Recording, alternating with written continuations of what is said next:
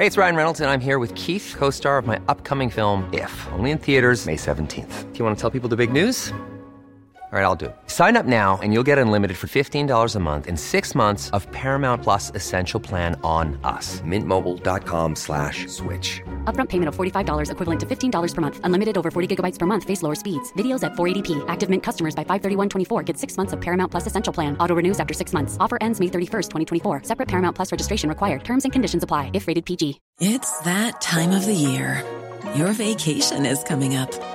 You can already hear the beach waves, feel the warm breeze, relax, and think about work. You really, really want it all to work out while you're away. Monday.com gives you and the team that peace of mind. When all work is on one platform and everyone's in sync, things just flow wherever you are. Tap the banner to go to Monday.com.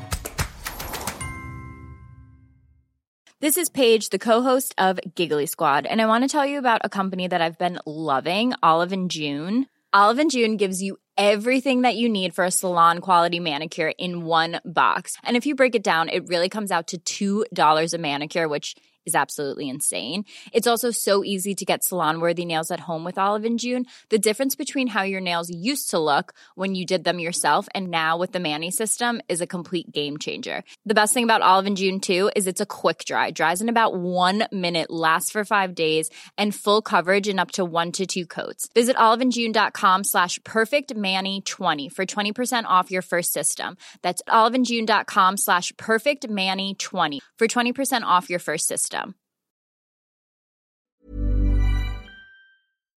Du lytter til en podcast fra TV2. Hen over sommeren tager jeg otte værtspersonligheder med ud af studiet til en snak om en dato, der står særlig skarp i deres hukommelse. Vi kommer forbi store verdensomspændende datoer, som de fleste af os tydeligt husker. Vi skal tale om begivenheder, hvor vores hovedpersoner var til stede i kraft af deres arbejde. For hvordan er det egentlig at stå der midt i de historiske øjeblikke, hvor du har til opgave at formidle, hvad der foregår til hele landet? Og hvad gør det ved mennesket bag arbejdet? Både professionelt, men også som privatperson. Lige præcis den dag, der kan jeg huske i detaljer. Og hun står bare der med tårerne ned ad kinden. Oh. Your son will be okay. Oh. Det her, det er verdens sjoveste mulighed. Alt det vil vi dykke ned i over sommeren. Jeg hedder Joachim Claus Høj Bindslev. Velkommen til datoen, vi aldrig glemmer.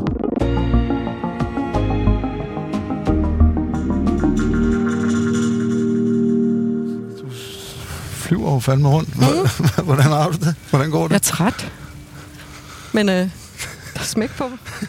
29. december 2010 bliver fire svenskere anholdt i en lejlighed i en forstad til København for at planlægge et terrorangreb mod JP Politikens Hus, som de vil gennemføre samme dag. Den aktion ender med at blive karrieredefinerende for min gæst i dag, Janni Petersen. Ikke kun fordi den ændrer hendes arbejdsliv, men også fordi den trækker dybe spor ind i hendes privatliv.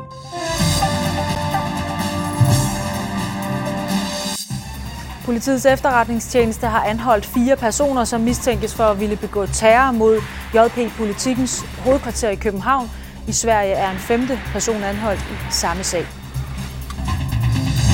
er ikke noget valg. Nu er det mig, der har trukket dig ud, Janni. Det er så godt. Ja. Nej, vi skal jo tale om en sådan stor skæbnesvanger afgørende dag i dit arbejdsliv, som også har betydet noget for dig efterfølgende, som virkelig har sat sig. Og du har valgt den dag, hvor der er fem svensker, der bliver anholdt på vej til København.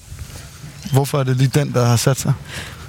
Op til den her 29. december 2010, der havde jeg dækket øh, flere terrorsager. Det var på det tidspunkt, hvor, hvor Danmark var hårdt ramt. Øh, Kurt Vestergaard, en ung somalier, forsøgte at trænge ind og ville slå ham ihjel. Der havde været Glostrup-sagen, der havde været Glasvej-sagen. Så jeg var desværre blevet meget øh, øh, erfaren i at dække øh, terrorsager. Og på en eller anden måde, så går hele det der redskaber, øh, hvordan skal vi forholde os, hvad skal vi gøre, hvad siger vi, hvor meget ved vi, hvad, hvordan holder vi det ud i strakt arm, indtil vi ved mere. Altså hele det der værktøjskasse som studievært, den går sådan ligesom bare i gang på sådan en måde, hvor man tænker, gud, er vi blevet så trænet i det her? Det er jo enormt sørgeligt, at vi er det. Og sådan tror jeg også, jeg havde det op til den 29. december 2010. På det tidspunkt havde jeg været studievært på News i øh, i fire år siden kanalens start. Og jeg havde så den her den 29. december. Min mand er også på arbejde. Han var journalist på Politikken på daværende tidspunkt. Nu er han fuldtids krimiforfatter, men dengang var han... Altså, vi skulle begge to på arbejde den 29. december, og når man er et par, hvor begge to er journalister, så er det ikke særlig odiøst. Mm. Og så var det sådan lidt, okay, Nana, vores datter var 13 på det tidspunkt, så det var sådan, okay, hvad vil du helst? Og så havde hun det sådan, jeg vil helst med dig, mor. jeg ved ikke, åbenbart har jeg fædre kollega, Kim med på Politikken. Og hun tager så med og det, det har hun gjort rigtig mange gange, så det var der ikke noget odiøst i.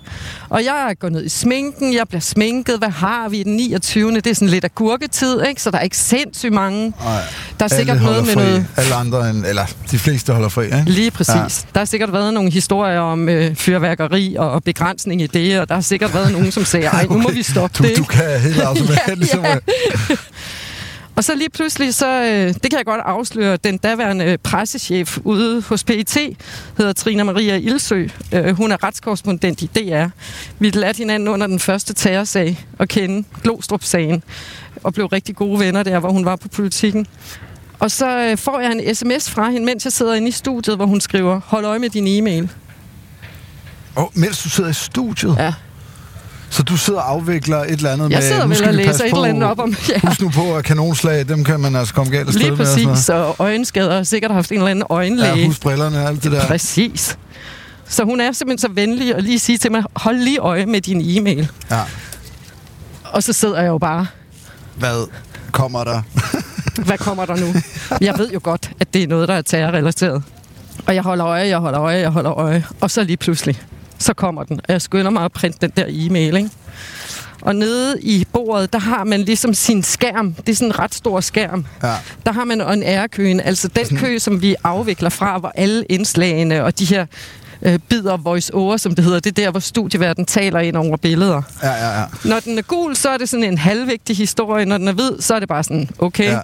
Når den er orange, så er det noget, vi skal holde øje med. Når den er rød, så er vi altså oppe i den store. Ja.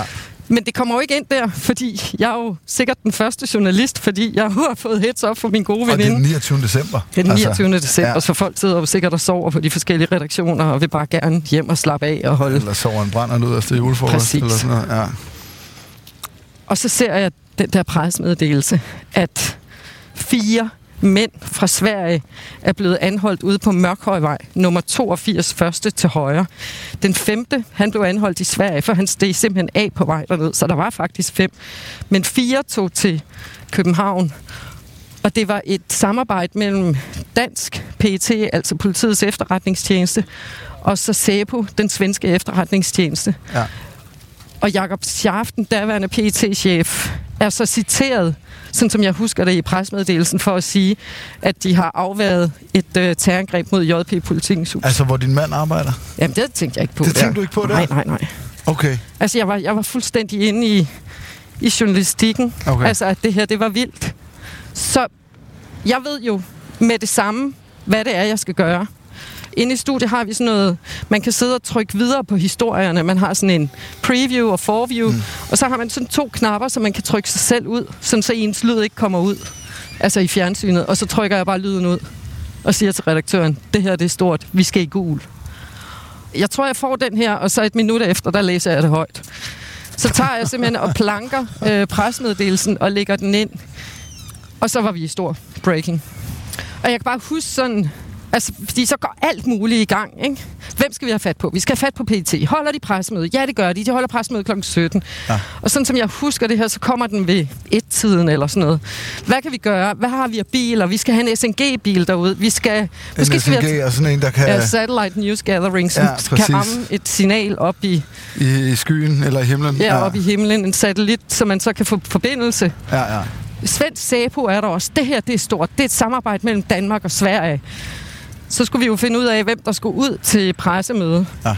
Altså på det tidspunkt havde jeg været til, jeg ved ikke hvor mange briefinger ude hos PET, hvor man var sådan en, en speciel udvalgt fra hvert medie, som så tog ud til sådan nogle hemmelige briefinger derude. Eller de var ikke hemmelige, men altså, vi måtte ikke citere fra de her briefinger. Det har der været meget diskussion om, fordi ja. blev vi embedded med PET. Ja, kommer altså, man for tæt på kilderne, sådan, så man ikke præcis. kan være ordentligt kritisk og, og så videre. Men, men man fik jo sådan en, en meget god baggrund for at kunne udtale sig mere generelt, fordi jeg var vist på det tidspunkt, hvor Danmark lå øh, i forhold til terrortroede andre lande. Mm. At vi desværre i den periode røg op og blev et af de mest terrortroede lande på, på linje med, med USA og, og Israel. Ja. Så du ved, man, man kunne jo sætte det ind i en større sammenhæng. Jeg vidste også, hvor mange kontraterroraktioner, der er lavet her i Danmark. Altså ting, som vi aldrig får noget at vide om. Jeg kan jo i dag ikke fortælle, hvor mange det er. Nej. Men for, for eksempel, nu har jeg aldrig dækket sådan terror mm. på den måde som journalist. Jeg har ikke kilder i efterretningstjenesten, Nej. eller i det ekstremistiske miljø, for den sags skyld. Nej. Altså, du ved, hvordan sidder du så der? Du sidder på pinden, du har vagten. Samtidig skal du ligesom prøve og jeg sidder at aktivere. bare og tænker, at jeg skal ud. Ja, præcis. Altså, jeg skal ud altså... af det her studie. Og der, den daværende chef, Mikkel Hertz, han ringede og sagde, I skal finde en afløser for Janne nu, hun skal afsted. Så der var ikke så meget pjat. Okay, øh. okay. Og så kom der en afløser, og så var jeg så klar. Og så har jeg jo den der datter. Ja, du har din 13-årige datter mm. med. Ja, som sidder og spiller et eller andet computerspil, ikke? Fuldstændig optaget af det. Og jeg styrter bare rundt, og er sådan, hey, skal, jeg, mm, skal du tage ind til far, for jeg skal ud? Nej, nej, du skal nok ikke ind til far lige nu. Oh. For på det tidspunkt vidste vi jo, at PT og Sebo mente, at de med deres øh, to maskinpistoler, øh, 122 patroner, 200 strips, ville tage ind til JP Politikens Hus for at slå så mange vantro ihjel som overhovedet muligt. Så det, Nana skulle nok ikke ind til sin far. Oh, shit. Ja. I sådan en situation for eksempel, ikke? Du har din 13-årige datter med. Ved du hvad, jeg får ikke engang ringet til min mand. Du får ikke ringet Nej. til Kim? Nej, jeg er mand? fuldstændig i sådan en journalistisk mode. Så tror jeg egentlig på vej ud i bilen, sådan som jeg husker det, så får jeg ringet til ham og sagt, hey, hvordan har I det? Og så er han sådan meget kølig og siger, mm, vi er lidt shaky, men der er gode folk til at passe på os. Altså, hvor længe har du været i gang der, før du ringer til ham? Jamen, der er jo været i gang i halvanden time. Jeg har også siddet i studiet, så det var svært at ringe til ham. Måske har jeg sendt en sms. Ja. Men, men du ved, jeg tænker ikke rigtig over, at det er ham.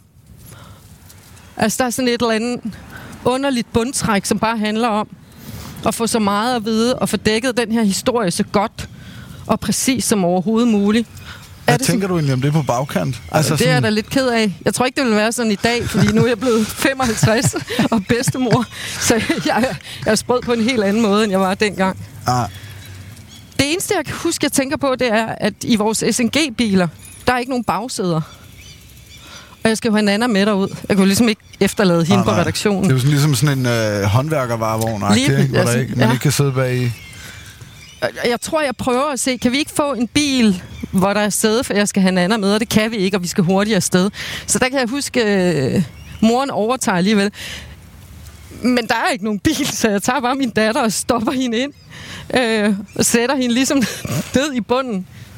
Og hun får altså ikke nogen sikkerhedssel på. Undskyld, Nana, og undskyld alle jer, der synes, at jeg er en langt ude mor. Og så kører vi så afsted. Og jeg taler sådan ligesom med fotografen, hvordan er det, og hvordan kan vi komme ind? Hvis man skal forestille sig PET's hovedkvarter, som ligger ude i, i headquarter ude i Budinge, ja. Altså, det er jo enormt svært at komme ind. Så har vi allerede nu akkreditering på vej, sådan så vagten ved, hvem jeg har med af fotograf, fordi ellers kommer vi ikke ind. Hvor kan vi holde bilen? Kan han komme op med det sendudstyr, vi har nu? Han skal både få bilen op, og jeg skal være live hurtigst muligt, fordi nu sidder der jo ligesom en studievær, der skal interviewe mig. Og samtidig så skal vi have trukket alle mulige ledninger ind til det her pressemøde, hvor vi jo ved, at øh, den daværende pet chef Jakob Scharf vil være, og så den daværende chef for SABO, altså den svenske efterretningstjeneste Thomas Danielsen. Så du ved, der er sådan noget, vi skal have to mikrofoner op, vi skal have slæbt ledninger ind. Det var jo slet ikke så digitaliseret, som det er i dag, hvor man nærmest bare kan sætte kameraet op, og så kører det. Ledninger skal slæbes ind, jeg skal på live, hvordan fordeler vi det her? Så du ved, der er alt muligt snak om, hvordan gør vi det her, så det bliver teknisk muligt, og så vi kan servicere news med mig oppe så hurtigt som muligt. Fordi lige om lidt. Og lige din, om lidt. din 13-årige der, der sidder der ja. med i bilen. Ja. Så siger hun til mor, hvad er det egentlig, vi skal? Det er først der? Ja. Er I kommet ud til PT der? Nej, vi er på vej, ikke? Okay. Hvad, hvad siger du så? Jamen, så siger jeg, siger, du kan læse presmeddelelsen. Og så giver jeg hende presmeddelelsen. Og så sidder hun og læser den. Og så siger hun, mor, det er jo far, de vil slå ihjel. Og alle vores venner. Og du ved, det er først der, hvor jeg så tænker, hold nu kæft, mand. Men jeg kan simpelthen Ej, mærke nu. Jeg kan se det på din arm. Ja, fordi det... Masser af gods ud. Ja. gud, tænk, at det sætter sig så meget på mig nu, og det gjorde det bare ikke der. Ja, ja. Så er jeg sådan, ja, det er det. Øh, altså sådan helt... Sådan gameface-agtigt. Fuldstændig følelses... Eller ikke følelseskold, fordi det vil jeg ikke sige, jeg er. Men, men jeg er bare så meget i en arbejdssituation, at jeg slet ikke går ind i, hvad det reelt handler om, og hvordan det jo påvirker mig, eller min mand, alle hans kollegaer, nogle af vores bedste venner.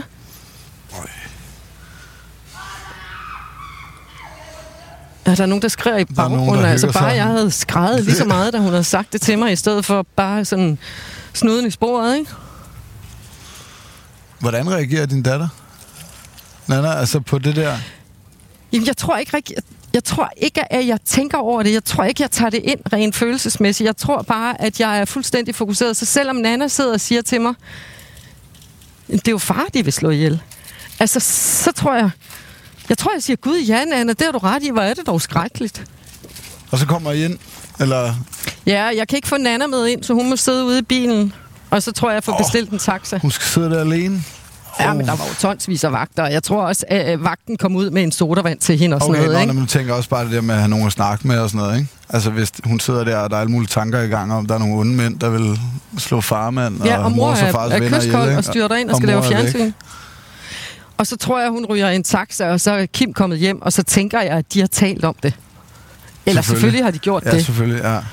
Jeg er ret sikker på, at jeg fik ringet til Kim og sagt, hvad hun havde sagt.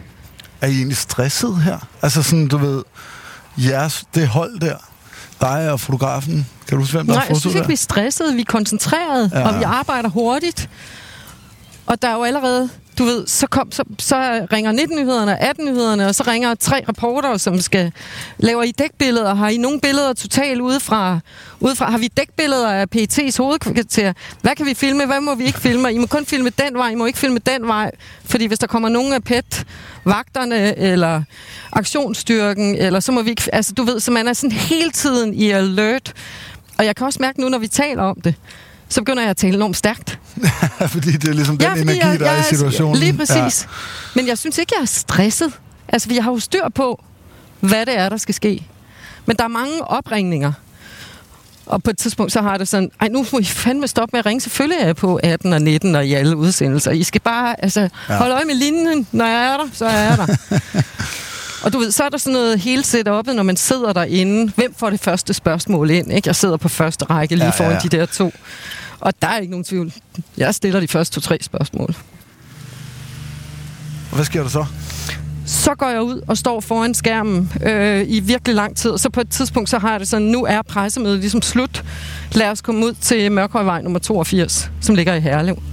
Øh, for jeg vil ud og se... Hvor hvad... de blev anholdt? Ja. de her fire, og så den ja. femte, han blev fanget i Sverige. Det gjorde ja. han nemlig. Han stod af på halvvejen. Og så havde de gennem en, en ung afghansk fyr, øh, som jeg mener boede i Greve, havde de lejet den lejlighed. Og det, der var så specielt, det var, at PET jo også havde opsporet, at den lejlighed ligesom stod klar til dem. Så de havde jo sat øh, overvågningsudstyr op derinde.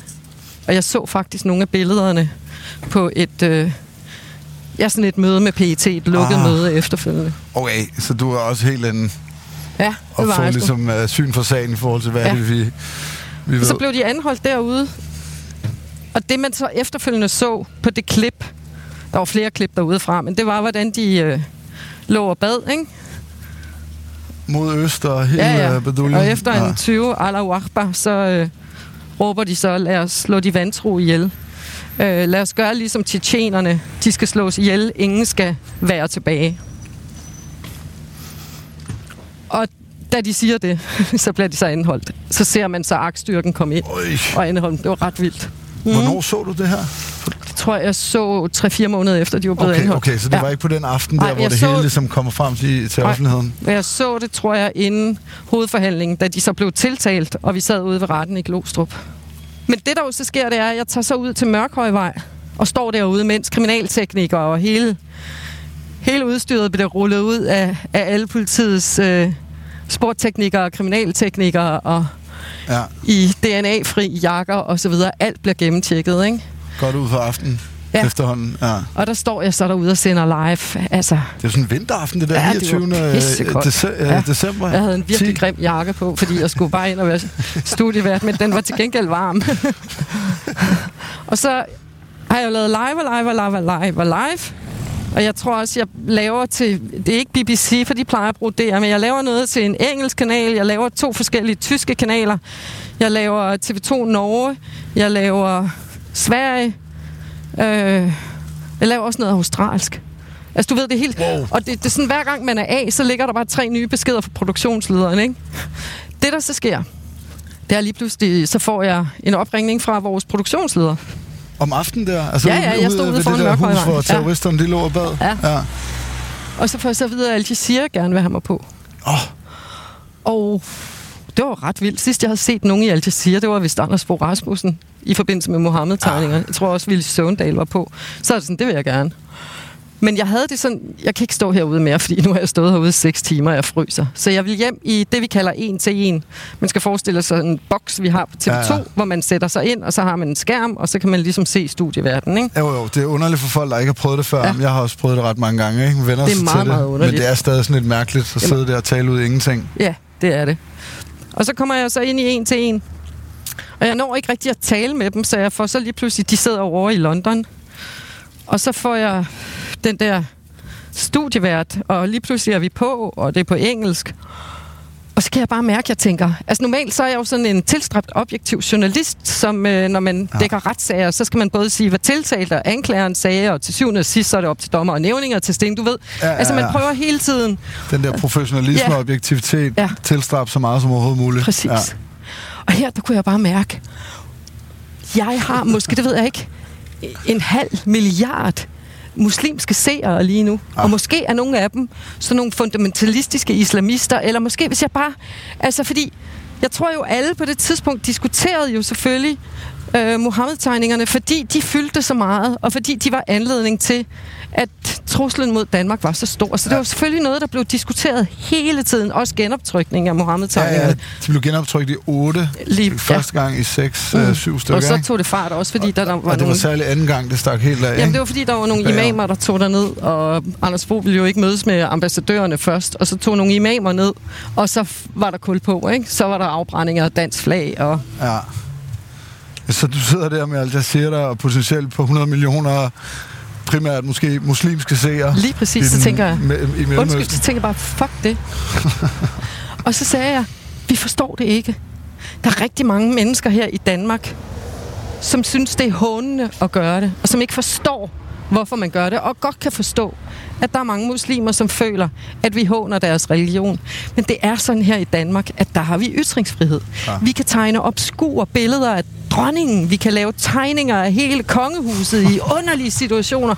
Og det må vi, fordi sådan er der at have ytringsfrihed. Det behøver ikke at betyde, at det er godt, at man gør det, eller det er super fedt. Nej. Men vi har ytringsfrihed, og den vil vi kæmpe for. Vi vil ikke kæmpe for, at det er rigtigt, at man håner andres religion, men vi vil kæmpe for retten til, at man må gøre det. Var du slet ikke nervøs der? Nej, jeg kunne mærke... Øh, jeg ved det ikke. Jeg, jeg, jeg var sådan lidt, hey, det jo ikke mig. Altså, hvorfor gør jeg det her? Det er jo fuldstændig vanvittigt. Hvorfor sidder jeg og mener noget? Men jeg havde det bare sådan, jeg har et vindue nu. Ja. Og det her, det er der jo ikke nogen, der kan være uenige i. Altså, at det er det, vi har. Altså, det er vores grundlovssikrede ret. Og så på et tidspunkt, så siger jeg så, og derfor så er det så svært for os at forstå, at der er folk, som vil springe en bombe i en avis, som, som jo er ytringsfrihedens højborg, eller for den sags skyld på hovedbanegården, hvor de kan slå min datter ihjel, som bare skal en tur i Tivoli. Ja. Vi kan ikke forstå det. Og så fortalte jeg historien med Nana. Du fortalte stor med Jeg din fortalte datter historien om, at vi sidder i bilen, på og så, og så siger hun så på et tidspunkt, men mor, det er jo far, de vil slå ihjel. Og så kunne jeg bare se studievanden, hun blev sådan helt... Altså, Og nu får jeg kuldegysninger. Jamen, jeg gør det også igen. Det var da fantastisk. og så blev der bare stille. Og så tror jeg bare, hun sagde, Thanks, Jenny Peterson, for a very personal description. Take care in Denmark, and thank you so much. Wow. Og så ringer produceren til mig bagefter. Og så sagde hun bare, vi sad fuldstændig lammet i afviklingen. Og en af vores redaktør begyndte at græde. Altså, det var simpelthen så vildt.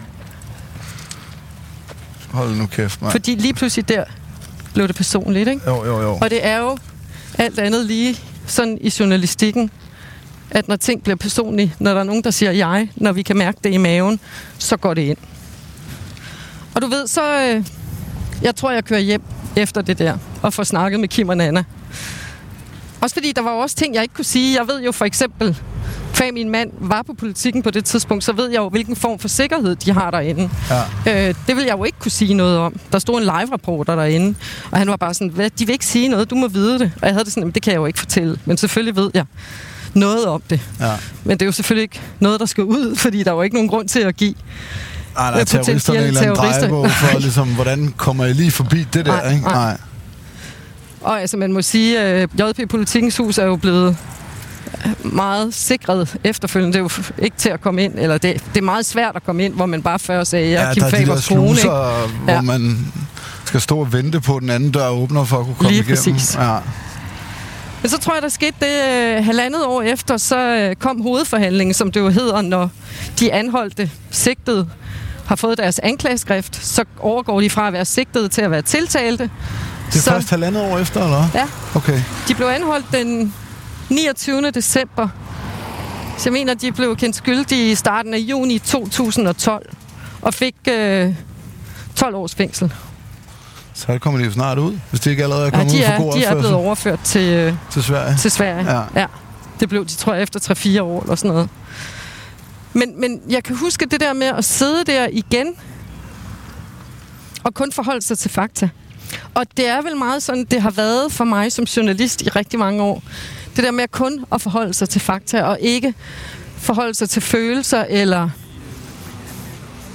Og sådan var det faktisk også der. Og det er jo så først, da alle de der aflytninger bliver afspillet, hvor man hører dem Det gør et eller andet. Ja. Ved du hvad? Jeg har faktisk skrevet det ned, for jeg kan ikke lige huske det, så jeg hiver den lige op her. Lad os tage ud og slå de vantro ihjel. Når de vantro mødes, så bind dem og hug halsen over. Det var sådan noget, der blev sagt. Ja. Der skal ikke forhandles, der skal slås ihjel. Og du ved, lige pludselig, også fordi på det tidspunkt fandt vi ud af, at den 29. der skulle kronprinsen faktisk øh, uddele prisen for årets fund inden for sportens verden. Det vidste de ikke, men er du sindssyg. Okay. Ja, så det fik jo lige sådan en grad op.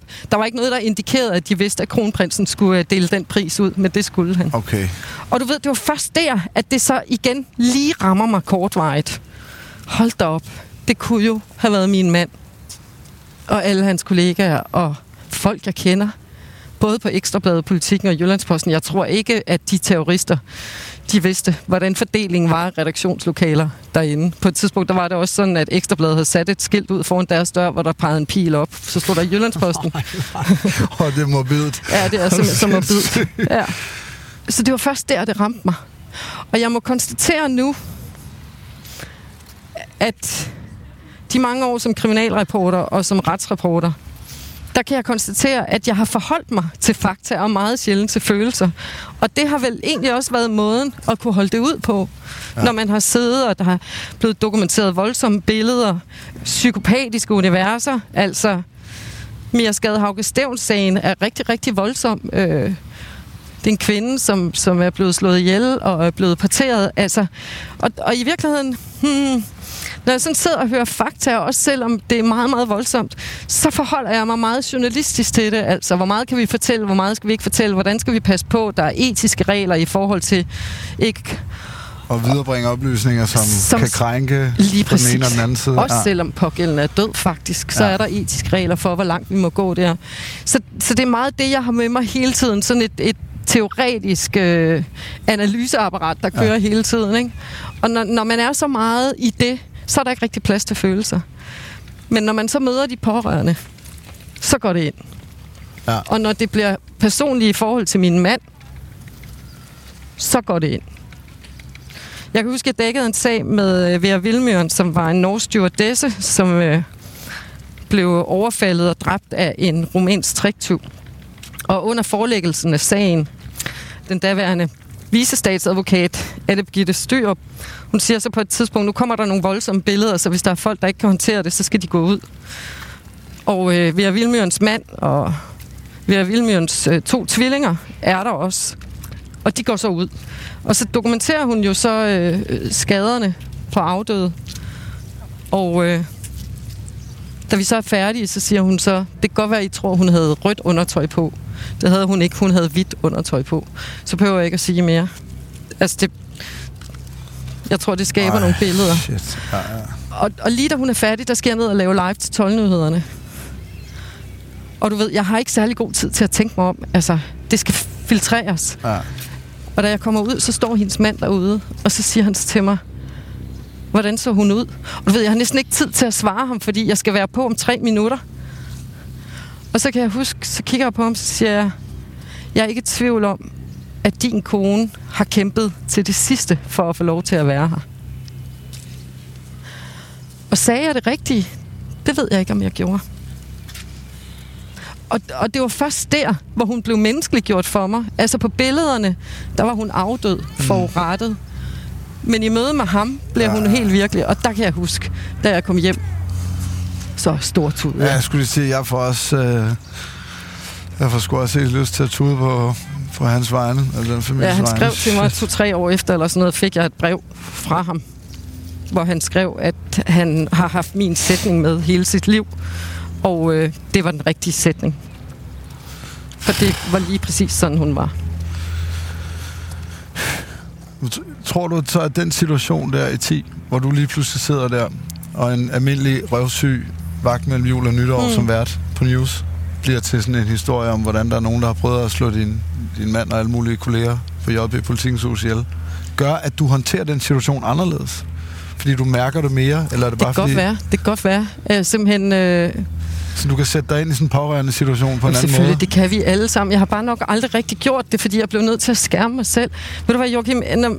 Det, selvfølgelig også fordi, at jeg jo både efter News startede, så blev jeg studievært, og så har folk været vant til at forholde sig til mig, fordi jeg kom ind i deres stue, ikke? Mm. Så, så derfor har folk også, fordi de har et forhold til mig, fordi jeg er studievært, så har de også været enormt interesserede i, hvordan påvirker det dig? Er det ikke hårdt? Kan du holde til det? Får du psykologhjælp?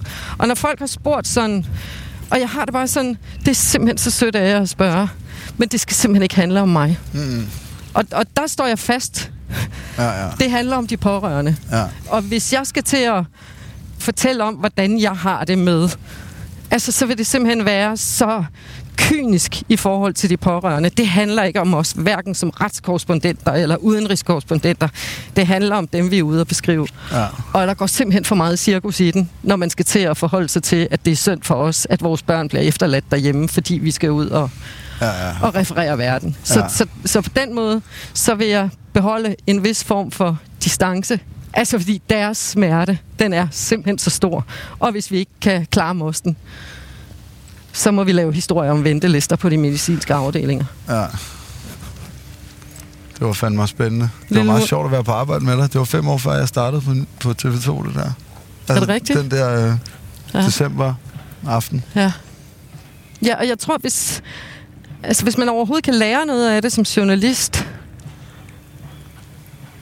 hmm, så må jeg jo i hvert fald konstatere, at det er faktisk okay nogle gange lige at mærke, hvad der foregår i ens egen mave, uden at man overgør det. Men øh, jeg har i hvert fald den historie med mig, også nu. Ja. Det var en fornøjelse, Jorgen. Ja, tak for turen. Ja, tak selv. Og god sommer. Ja, i lige måde, min ven.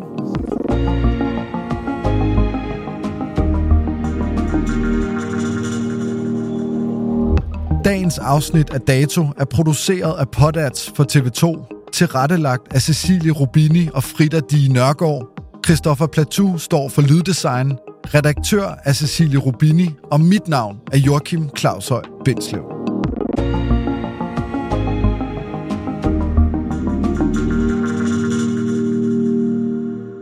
Du har lyttet til en podcast fra TV2.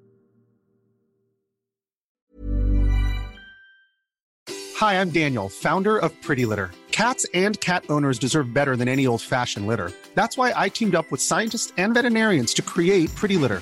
Its innovative crystal formula has superior odor control and weighs up to 80% less than clay litter. Pretty Litter even monitors health by changing colors to help detect early signs of potential illness. It's the world's smartest kitty litter. Go to prettylitter.com and use code ACAST for 20% off your first order and a free cat toy. Terms and conditions apply. See site for details. When you make decisions for your company, you look for the no brainers. And if you have a lot of mailing to do, stamps.com is the ultimate no brainer. It streamlines your processes to make your business more efficient, which makes you less busy. Mail checks, invoices, legal documents, and everything you need to keep your business running with Stamps.com. Seamlessly connect with every major marketplace and shopping cart. Schedule package pickups and see your cheapest and fastest shipping options from different carriers. With rates up to 89% off USPS and UPS rates. And with the Stamps.com mobile app, you can take care of mailing and shipping wherever you are. Make the same no-brainer decision as over 1 million other businesses with Stamps.com. Sign up with code PROGRAM for a four-week trial, plus free postage and a free digital scale. No long-term commitments or contracts. That's Stamps.com. Code PROGRAM.